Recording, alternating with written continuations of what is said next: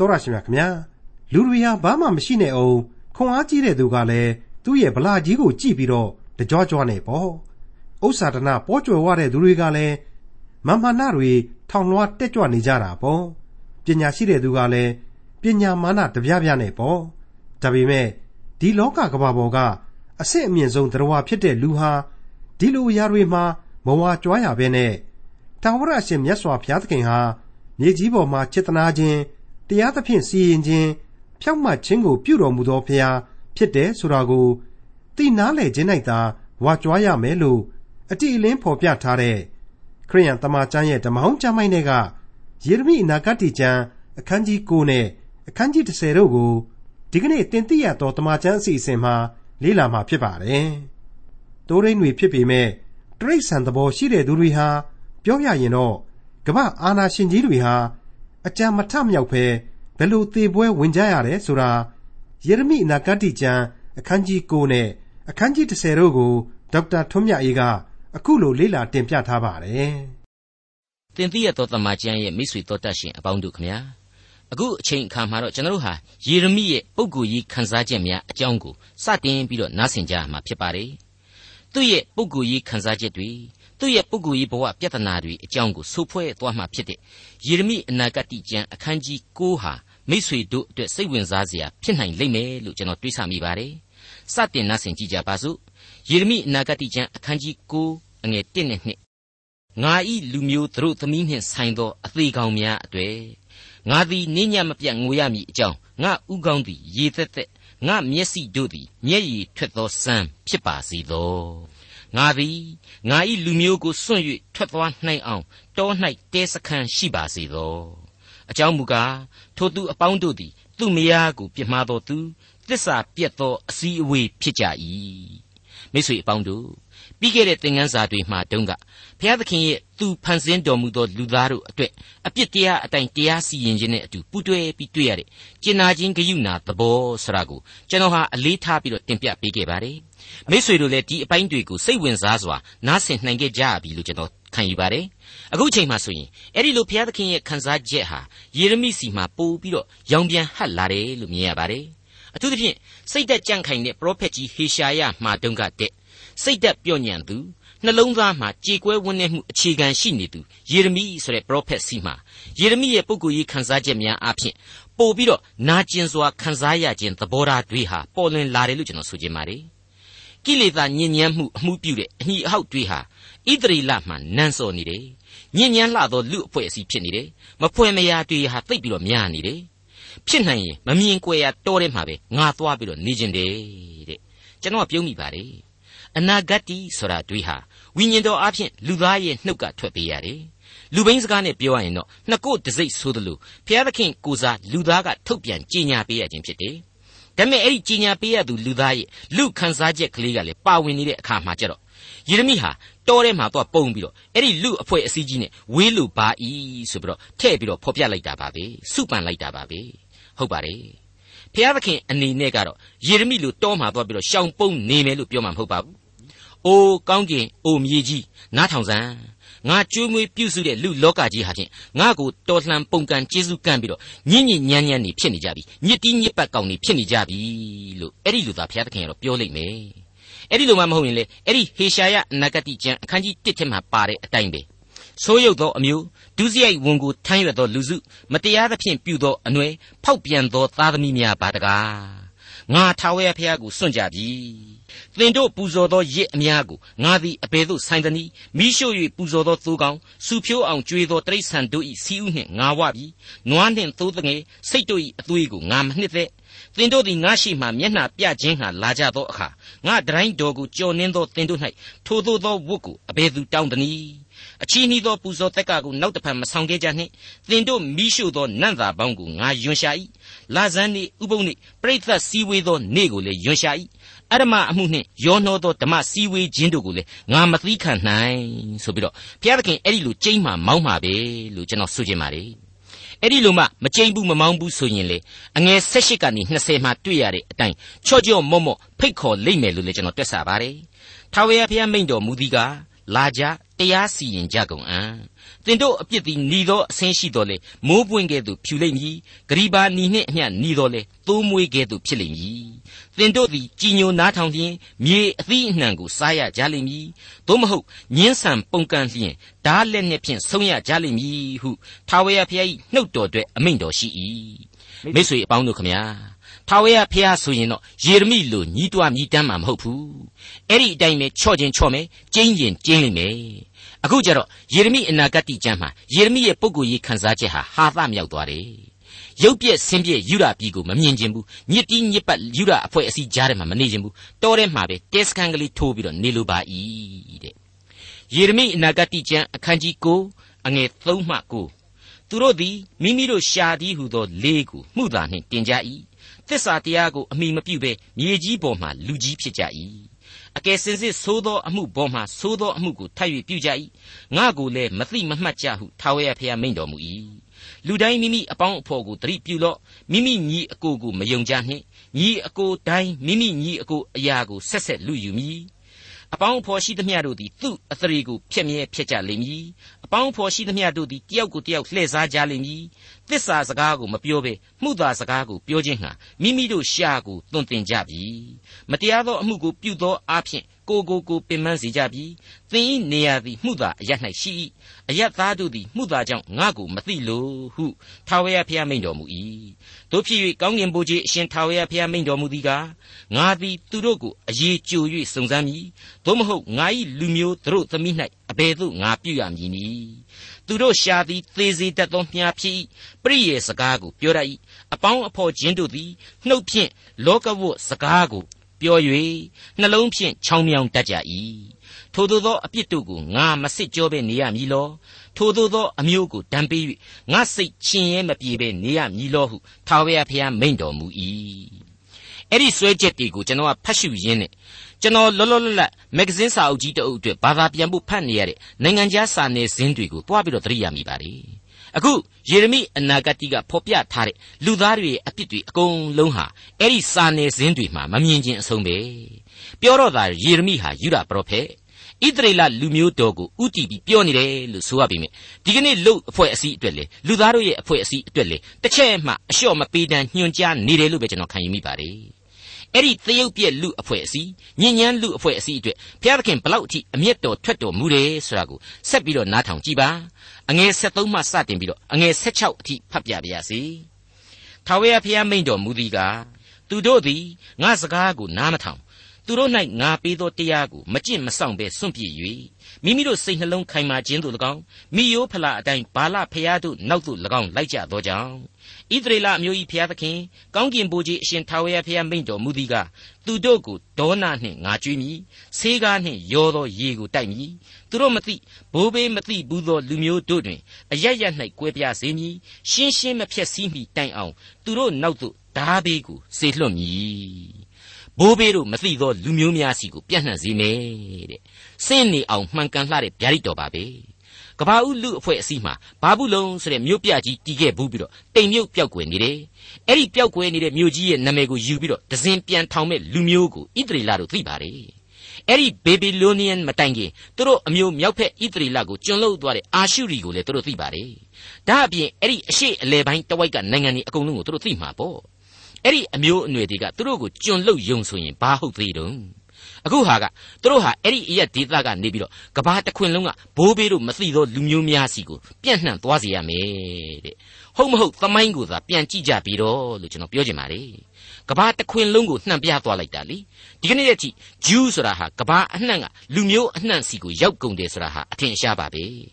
အဲ့ဒီတော့သူတို့ဘိုးဘေးတွေအရှင်းမသိတဲ့လူမျိုးတွေစီကိုသူတို့ရောက်မယ်။ကွဲပြားကုန်မယ်။ဒုက္ခတွေရောက်လို့ဘေးအန္တရာယ်တွေအမျိုးမျိုးကြုံခဲ့ကြရလိမ့်မယ်။အဲ့ဒီလိုဘုရားသခင်ကြိမ်မောင်းအပြစ်တင်ပြီးတော့ဗျာဒိတ်ချထားတဲ့အမိန့်တော်ဘယ်နှခုများလွဲတာရှိတုံး။တစ်ခုမှမလွဲပါဘူး။ဒီနေရာမှာရှင်းရှင်းဖြစ်စည်းတယ်ဆိုလို့မျိုးဖြုတ်တယ်လို့များတော့မထင်ပါနဲ့နော်။အမျိုးအငုံနဲ့အတက်အလက်အကိုင်းအခက်ဆိုတာကိုဘုရားသခင်ကအမြဲခြံထားမယ်ဆိုပြီးတော့တခြားကြမ်းတွေနဲ့ရှင်ပြီးတော့သတိထားကြရပါလိမ့်မယ်။ တခြားကျမ်းတွေမှာအဲ့ဒီတိုင်ပဲဗျာဒိတ်တော်ကြီးအများကြီးပြုတ်ထားခဲ့ပါတယ်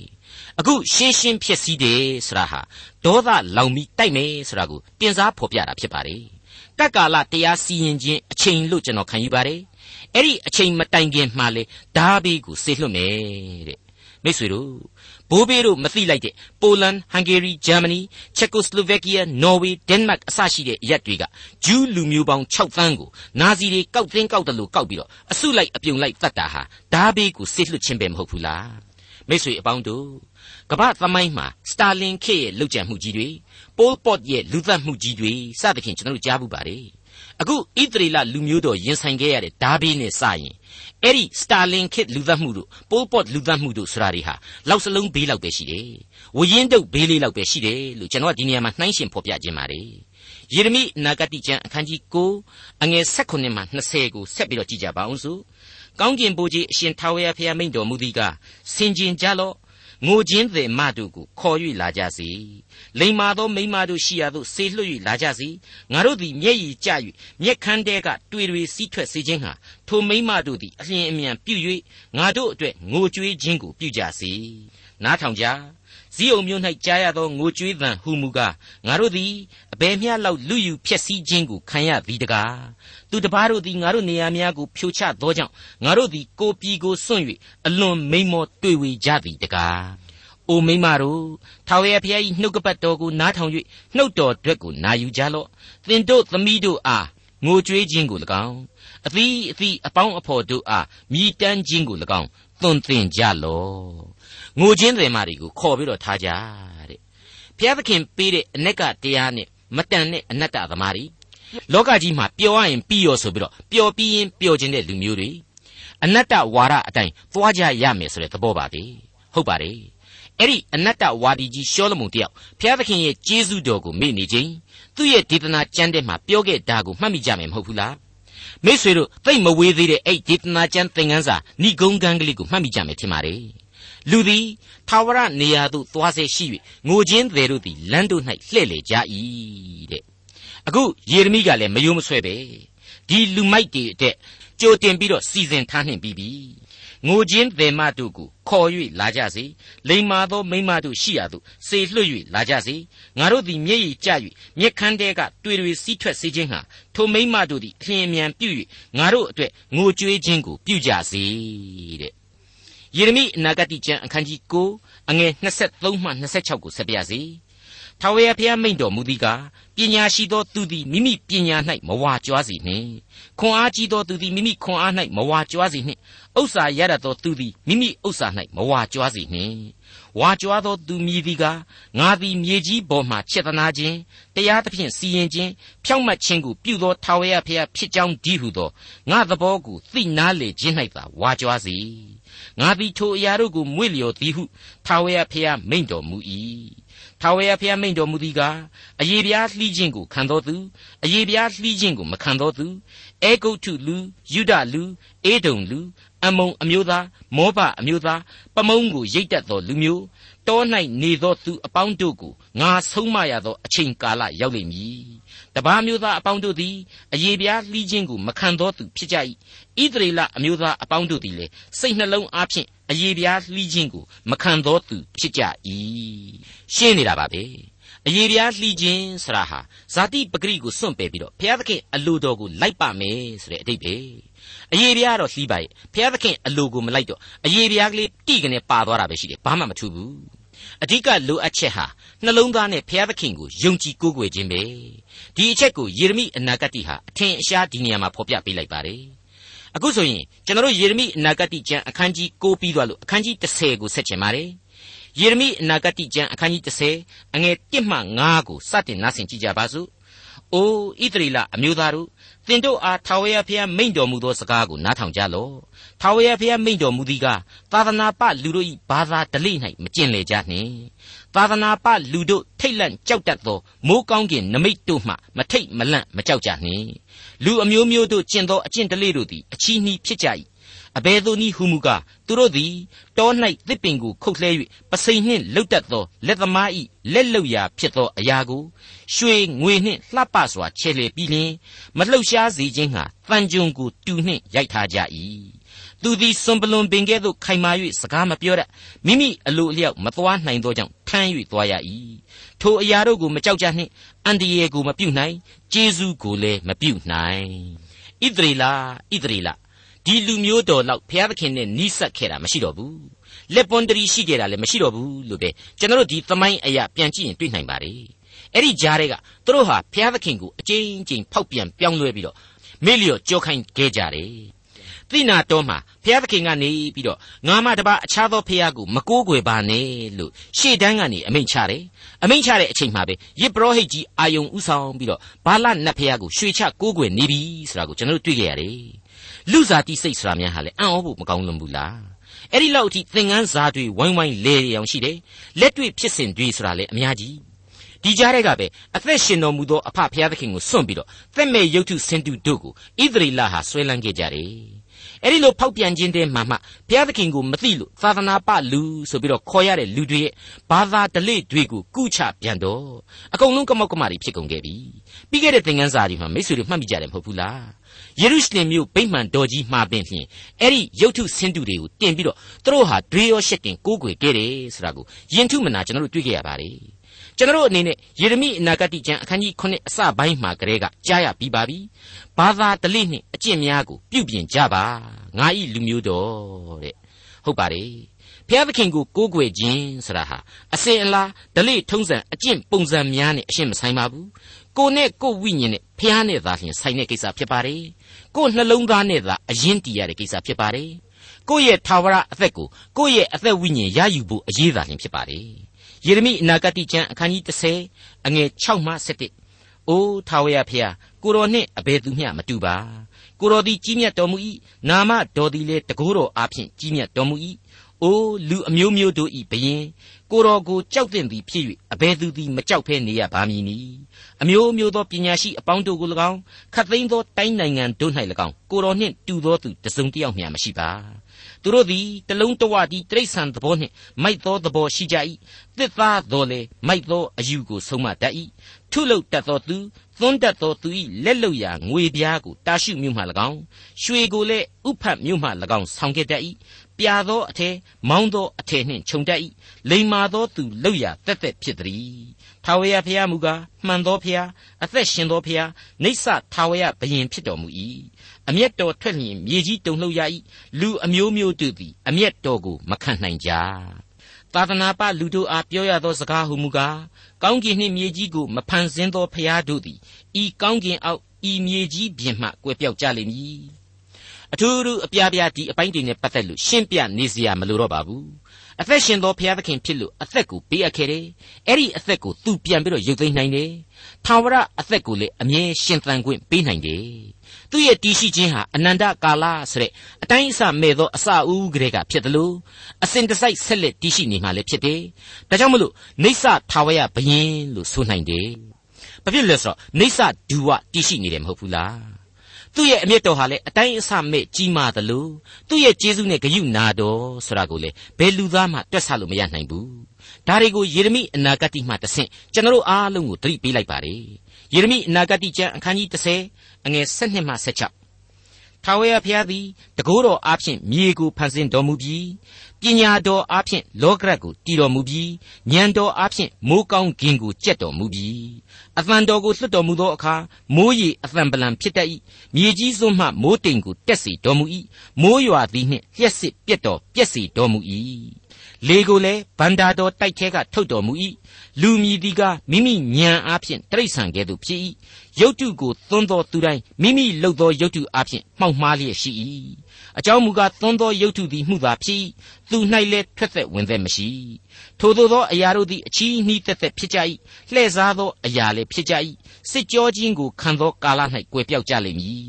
ယာကုပ်အမျိုး၏အဖို့သည်ထိုသို့သောအရာနှင့်တူတော်မမူခသိန်းသောအရာတို့ကိုဖန်ဆင်းသောဖျားဖြစ်တော်မူ၏ဣသရေလအမျိုးသည်အမွေခံတော်မူရာဖြစ်၏နာမတော်သည်ကောင်းကင်ဘုရားအရှင်ထာဝရဘုရားပေတည်း ကျွန်တော်စောစောပိုင်းကဖော်ပြပေးလိုက်တဲ့အတိုင်းပါပဲဣသရေလဆိုတဲ့ရွေးကောက်တော်မူသောလူမျိုးတော်ရဲ့အထူးအခွင့်အရေးကိုပြန်ပြီးတော့သတိရစေဖို့ဖော်ပြပါတယ်ပြီးတော့မှအသက်ရှင်တော်မူသောဘုရားနှင့်ဆိုင်တဲ့လူမျိုးတော်ဆိုတာကိုအမှတ်ရစေလိုတယ်အဲ့ဒီလိုယေရမိမှတဆင့်ဖော်ပြပေးလိုက်ပါတယ်ဒီလိုဖော်ပြတဲ့နေရာမှာလေယာကုပ်အမျိုးဤဆိုတာကိုပါဆက်ဆက်ဆက်ဆက်ထည့်သွင်းပေးလိုက်ပါတယ်ဟုတ်ပါတယ်ဒီနေရာမှာယာကုပ်အမျိုးဆိုတာကိုထည့်ကိုထည့်ရမှာပါ ယုဒပြည်ဆိုလို့ယုဒအမျိုးနဲ့ဗိယမိန်အမျိုးတွေကသာသက်ဆိုင်တဲ့အနာဂတ်မဟုတ်ဣသရေလလူမျိုး12စုအားလုံးနဲ့သက်ဆိုင်တယ်လွန်ခဲ့တဲ့နှစ်ပေါင်း100ခန့်စောပြီးတော့အာရှုရိရဲ့ကျွန်ဖြစ်ခဲ့ပြီးတဲ့နောက်စောစောစသီဒုက္ခရောက်ခဲ့ရတဲ့ဣသရေလရောအခုမကြခင်ဘာဘူးလုံကျွန်ဖြစ်မဲ့ဣသရေလရောအကုန်လုံးအကျုံးဝင်တယ်ဆိုတာကိုသိစေလိုက်ပါလေယေရမိအနာဂတိကျမ်းအခန်းကြီး30အငယ်16မှ17အိုးရဲတိုက်၌နေသောသူမြေပေါ်မှရှိသောသင်ဤ ဥစ္စာပရိကံများကိုစုသိမ့်လော့ထာဝရဘုရားမိန့်တော်မူသည်ကားယခုပင်ငါသည်လောက်လွှဲစာကိုပြစ်တဲ့ကဲ့သို့ပြည်သားများကိုလောက်လွှဲတဲ့ကပြစ်၍ရန်သူတို့လက်သို့ရောက်စေခြင်းဟာညှင်းဆဲမည်ဟုမိန့်တော်မူ၏ငါသည်ချိုးဖျက်ခြင်းကိုခံရသောကြောင့်အမင်္ဂလာရှိ၏ငါအနာပြင်းလှ၏သို့တော်လည်းငါတွေ့ရသောဤဒုက္ခဝေဒနာကိုဆက်ဆက်ခံရမည်ဟုငါဆို၏ငါတဲလေပြည့်၏ငါကြိုးရှိသမျှတို့လည်းပြတ်ကြ၏ ငါသားတို့လည်းငါထံမှထွက်သွား၏ပျောက်ကြ၏နောက်တဖန်ငါတဲကိုဆောက်ရသောသူငါကလကာတို့ကိုဆွဲကာရသောသူမရှိအကြောင်းမူကားသိုးထိန်တို့သည်တိရစ္ဆာန်သဘောရှိ၍ထာဝရဘုရားကိုမရှာဖွေသောကြောင့်အကြံမမြောက်ရကြသိုးစုအပေါင်းတို့သည်အရရသို့ကွဲပြားရကြ၏အသံကိုကြားရ၏အနီးသို့လာ၏ယုဒမြို့တို့ကိုဖျက်ဆီး၍မြေခွေးနေရာတွင်ဖြစ်စေခြင်းဟာကြီးသောအသံပလံသည်မြောက်မျက်နှာကလာ၏ အိုးရဲတိုက်၌နေသောသူပစ္စည်းတွေကိုအသင့်ထုတ်ထားတဲ့မကြခင်ဘာဘူးလုံနောက်ကိုလိုက်သွားရတော့မယ်အဲ့ဒီဘာဘူးလုံတွေကလူလို့ရှိရင်လေအဲ့ဒီအထုတ်လိုက်ကလေးပေးလိုက်တနာလို့မလူဘူးဆိုရင်လေအဲ့ဒီအထုတ်ကလေးပိုက်ပြီးတော့သူတို့ခေါ်တဲ့နောက်ကိုလိုက်သွားပြီတော့တဲ့ဟုတ်ပါတယ်အထွတ်အထိပ်ဘယင်ကြီးတွေကအစကျွန်ဖြစ်ရမယ်ဆိုတာကိုသိသာစေပါတယ်ကျွန်တော်သိတွေ့အဲ့ဒီလိုရဲတိုက်ကြီးတွေပေါ်ကအာနာရှင်ကြီးတွေဟာလေသေတဲ့အချိန်မှာအပြင်းမကြီးပဲများပါတယ် Alexander the Great တဲ့33နှစ်အရွယ်နော်ကမ္ဘာထိပ်တန်းဧကရကြီး Damascus လို့ခေါ်တဲ့စီးရီးယားမြို့တော်မှာသွားပြီးတော့သေတယ် Julius Caesar ဆိုတဲ့ပုဂ္ဂိုလ်ကြီးဟာလွတ်တော်ထဲမှာ Brutus ဆိုတဲ့သူ့ညာလက်ယုံကဓာတ်နဲ့ထိုးလို့သေတယ်နပိုလီယန်အသက်40လောက်ကလေးမှာစိန့်ဟယ်လီနာဆိုတဲ့ကျွန်းကလေးမှာအကျယ်ကျုပ်ခံနေရင်းနဲ့အင်္ဂလိပ်ဘရင်ကန်လူညစ်ပတ်ကြီးကစိန်တွေနည်းနည်းနည်းထဲ့ကြွေးပြီးတော့အသက်ခံရရှာတယ်ရုရှားနိုင်ငံရဲ့နောက်ဆုံးဇာဘရင်နဲ့သူ့ရဲ့မိသားစုဟာလေ ယူရယ်ဆိုတဲ့နှင်းတောင်တန်းစခန်းကြီးမှာတွားပြီးတော့သေခဲ့ရရှာတယ်ပြီးတော့တခါနာဇီဟစ်တလာကြတော့ကိုသူစံမြန်းနေတဲ့လင်းယုံရဲတိုက်ဆိုတဲ့ရဲတိုက်ကြီးပေါ်မှာဂရင်ပေါ်မှာခန့်ခန့်ညံမသေးရရှာဘူးမြေအောက်လျှို့ဝှက်ခန်းကလေးတစ်ခုထဲမှာသူ့ချစ်သူ Eva Brown ဆိုလာပါလားတော့ကျွန်တော်မမှတ်မိတော့ဘူးအဲ့ဒါနဲ့အတူကိုဖတ်သက်ကိုတတ်နှက်နဲ့ပြစ်သက်ပြီးသေသွားခဲ့ကြရတယ်မိတ်ဆွေအပေါင်းတို့တဲအိမ်ကလေးနဲ့ပင်ဖြစ်စီကမူ ဘုရားသခင်နဲ့သာအတူနေကြပါလို့ပဲကျွန်တော်မိတ်ဆွေတို့ကိုအားပေးတိုက်တွန်းခြင်းပါတယ်ဒီနေရာမှာဒါဝိမင်းကြီးတည်ဆိုထားခဲ့တဲ့28ခုမြောက်သောဆာလံတေးကိုကျွန်တော်တွားပြီးတော့အမှတ်ရမိပါတယ်အဲ့ဒီ28ခုမြောက်သောဆာလံရဲ့အငယ်1ကနေ6အတွင်းမှာအခုလိုတွေ့နိုင်ပါတယ်ထာဝရဘုရားသည်ငါ၏အလင်းငါကိုကယ်တင်သောအရှင်ဖြစ်တော်မူ၏ငါသည်အဘယ်သူကိုကြောက်ရအံ့နည်းထာဝရဘုရားသည်ငါ၏အသက်ခိုလှုံရာဖြစ်တော်မူ၏ငါသည်အဘယ်သူကိုကြောက်လန့်ရအံ့နည်း ငါကိုအညှိုးထားသောရန်သူလူဆိုးတို့သည်ငါအသားကိုကိုက်စားမည်ဟုလာကြသောအခါခြေတိုက်မိ၍လဲကြ၏ငါတစ်ဖက်၌တတ်ချကြတော်လေငါနှလုံးမကြောက်တတ် စစ်ချီ၍လာကြတော်လေထိုအမှု၌ပင်တည်ကြည်သောစိတ်ရှိလိမ့်မည်ထာဝရဘုရား၏တင့်တယ်ခြင်းအသရေတော်ကိုဖူးမြင်၍ဗိမာန်တော်၌မွေးလျော်ခြင်းအလို့ငှာထာဝရဘုရား၏အိမ်တော်မှာတစ်သက်လုံးနေရမည်အကြောင်းဒီဟုသောအခွင့်တစ်ခုကိုထာဝရဘုရား၌ငါဆုတောင်းပြီထိုအခွင့်ကိုရှာရအောင်မည်အကြောင်းမူကားဘေးအန္တရာယ်ရောက်သည့်ကာလတဲတော်တွင်ငါကိုကွဲကားတော်မူမည်ဗိမာန်တော်အတွင်အရ၌ငါကိုဖွက်ထားတော်မူမည် ကြောက်ပေါ်မှလည်းငါကိုတင်ထားတော်မူမည်ယခုပင်ငါပတ်လည်၌ရှိသောရန်သူတို့အပေါ်သို့ငါ၏ဥကောင်းကိုချီးမြှောက်တော်မူ၏ထို့ကြောင့်ဗိမာန်တော်မှတဘိုးမှုတ်ခြင်းနှင့်တကွရစ်ပူဇော်ပါမည်တည်ခြင်းဆိုပါမည်ထာဝရဘုရားကိုထောမနာတည်ခြင်းဆိုပါမည်တဲ့မိတ်ဆွေအပေါင်းတို့ခမညာအခုအချိန်မှာတော့ယေရမိအနာဂတ်ကျမ်းအခန်းကြီး30ကိုအဆုံးသတ်နိုင်ဖို့ရန်အတွက်အငယ်23ကနေပြီးတော့25ဏီကုန်းအထိဆက်လက်နားဆင်ကြကြပါဦး။ အိုးထာဝရဖျားလူသည်မိမိသွားရလမ်းကိုအစိုးမရသွားစဉ်အခါမိမိခြေရာတို့ကိုမစီရင်တတ်သည်ကိုအကျွန်ုပ်သိပါ၏။အိုးထာဝရဖျားအကျွန်ုပ်ကိုဆုံးမတော်မူခြင်းအကျိုးနည်းစေခြင်းဟာအမျက်ထွက်တော်မမူပါနှင့်တရားတော်အတိုင်းသာဆုံးမတော်မူပါ။ကိုတော်ကိုမသိသောတပါးမျိုးသားတို့အပေါ်သို့၎င်းနာမတော်ကိုပထနာမပြုသောအမျိုးအနွယ်တို့အပေါ်သို့၎င်းအမျက်တော်ကိုသွန်းလောင်းတော်မူပါအကြောင်းမူကားသူတို့သည်ယာကုပ်အမျိုးကို အကုန်အစင်ကိုက်စား၍သူ၏နေရာကိုလှုပ်သင်ပယ်ရှင်းကြပါပြီတကယ်တရားကြကျင်စရာပါပဲယေရမိပရောဖက်ကြီးဟာသူ့အခုအချိန်မှာသူ့လူမျိုးရဲ့အတွက်သူအသနာခံတောင်းလျှောက်နေတယ်လို့ကျွန်တော်ယင်ထဲမှာခန်းစားမိပါတယ်ဟုတ်ပါတယ်လူမျိုးတော်အတွက်ကိုစားကံအသနာခံတောင်းလျှောက်နေခြင်းပါဘုရားသခင်လူဟာကိုယ်လန်းကိုကိုယ်အစိုးမရပါဘူး ကိုယ်ခြေရာကလေးကိုတော့မှကိုယ်စီရင်နိုင်တာမဟုတ်ကြောင်းကိုကျွန်တော်ဝန်ခံပါ၏ဒါကြောင့်အကျွန်ုပ်ကိုဆုံးမပါဒါပေမဲ့အကျိုးနည်းလောက်အောင်တော့မဆုံးမပါနဲ့အသနာခံပါ रे တရားတော်အတိုင်းသာဆုံးမပါတဲ့ဟုတ်ပါတယ်အဲ့ဒါဟာဣသရီလရဲ့ကိုစားဝန်ခံပြီးတော့အမိုက်ခံပြီးတော့ဆူတောင်းတာနွားရုပ်ကိုရွှေချပြီးတော့ကိုးကွယ်တဲ့လူမျိုးတော်ကိုအကုန်ငါမျိုးဖြုတ်ပြစ်မယ်မောရှေကနေပြီးတော့မှလူမျိုးသစ်ကိုဖော်ထုတ်မယ်လို့ဘုရားသခင်စီရင်တဲ့အချိန်မှာအိုးအဖာ ဂရိတော်တို့ကိုတရိယာတော်မူ၍ဂယုဏထားတော်မူပါဆိုပြီးတော့ခေါင်းဆောင်ကြီးမောရှိတယောက်ဣသရေလလူမျိုးတော်ကိုစားအမိုက်ခံပြီးတောင်းလျှောက်ပေးတာ ਨੇ အတူတူပဲလို့ကျွန်တော်ယင်ထဲမှာနင့်နင့်နဲနဲကြီးခံစားမိပါတယ်မိတ်ဆွေအပေါင်းတို့အခန်းကြီး9ရဲ့အငယ်16ကိုမိတ်ဆွေတို့မှတ်မိနေဦးမှာပါဒင်းတို့အတွက်ပထနာလာမပြုနဲ့ဆုတောင်းမှငါ့စမှာမတောင်းနဲ့တဲ့ကဲအခုအချိန်မှာတော့ယေရမိဆုတောင်းတယ်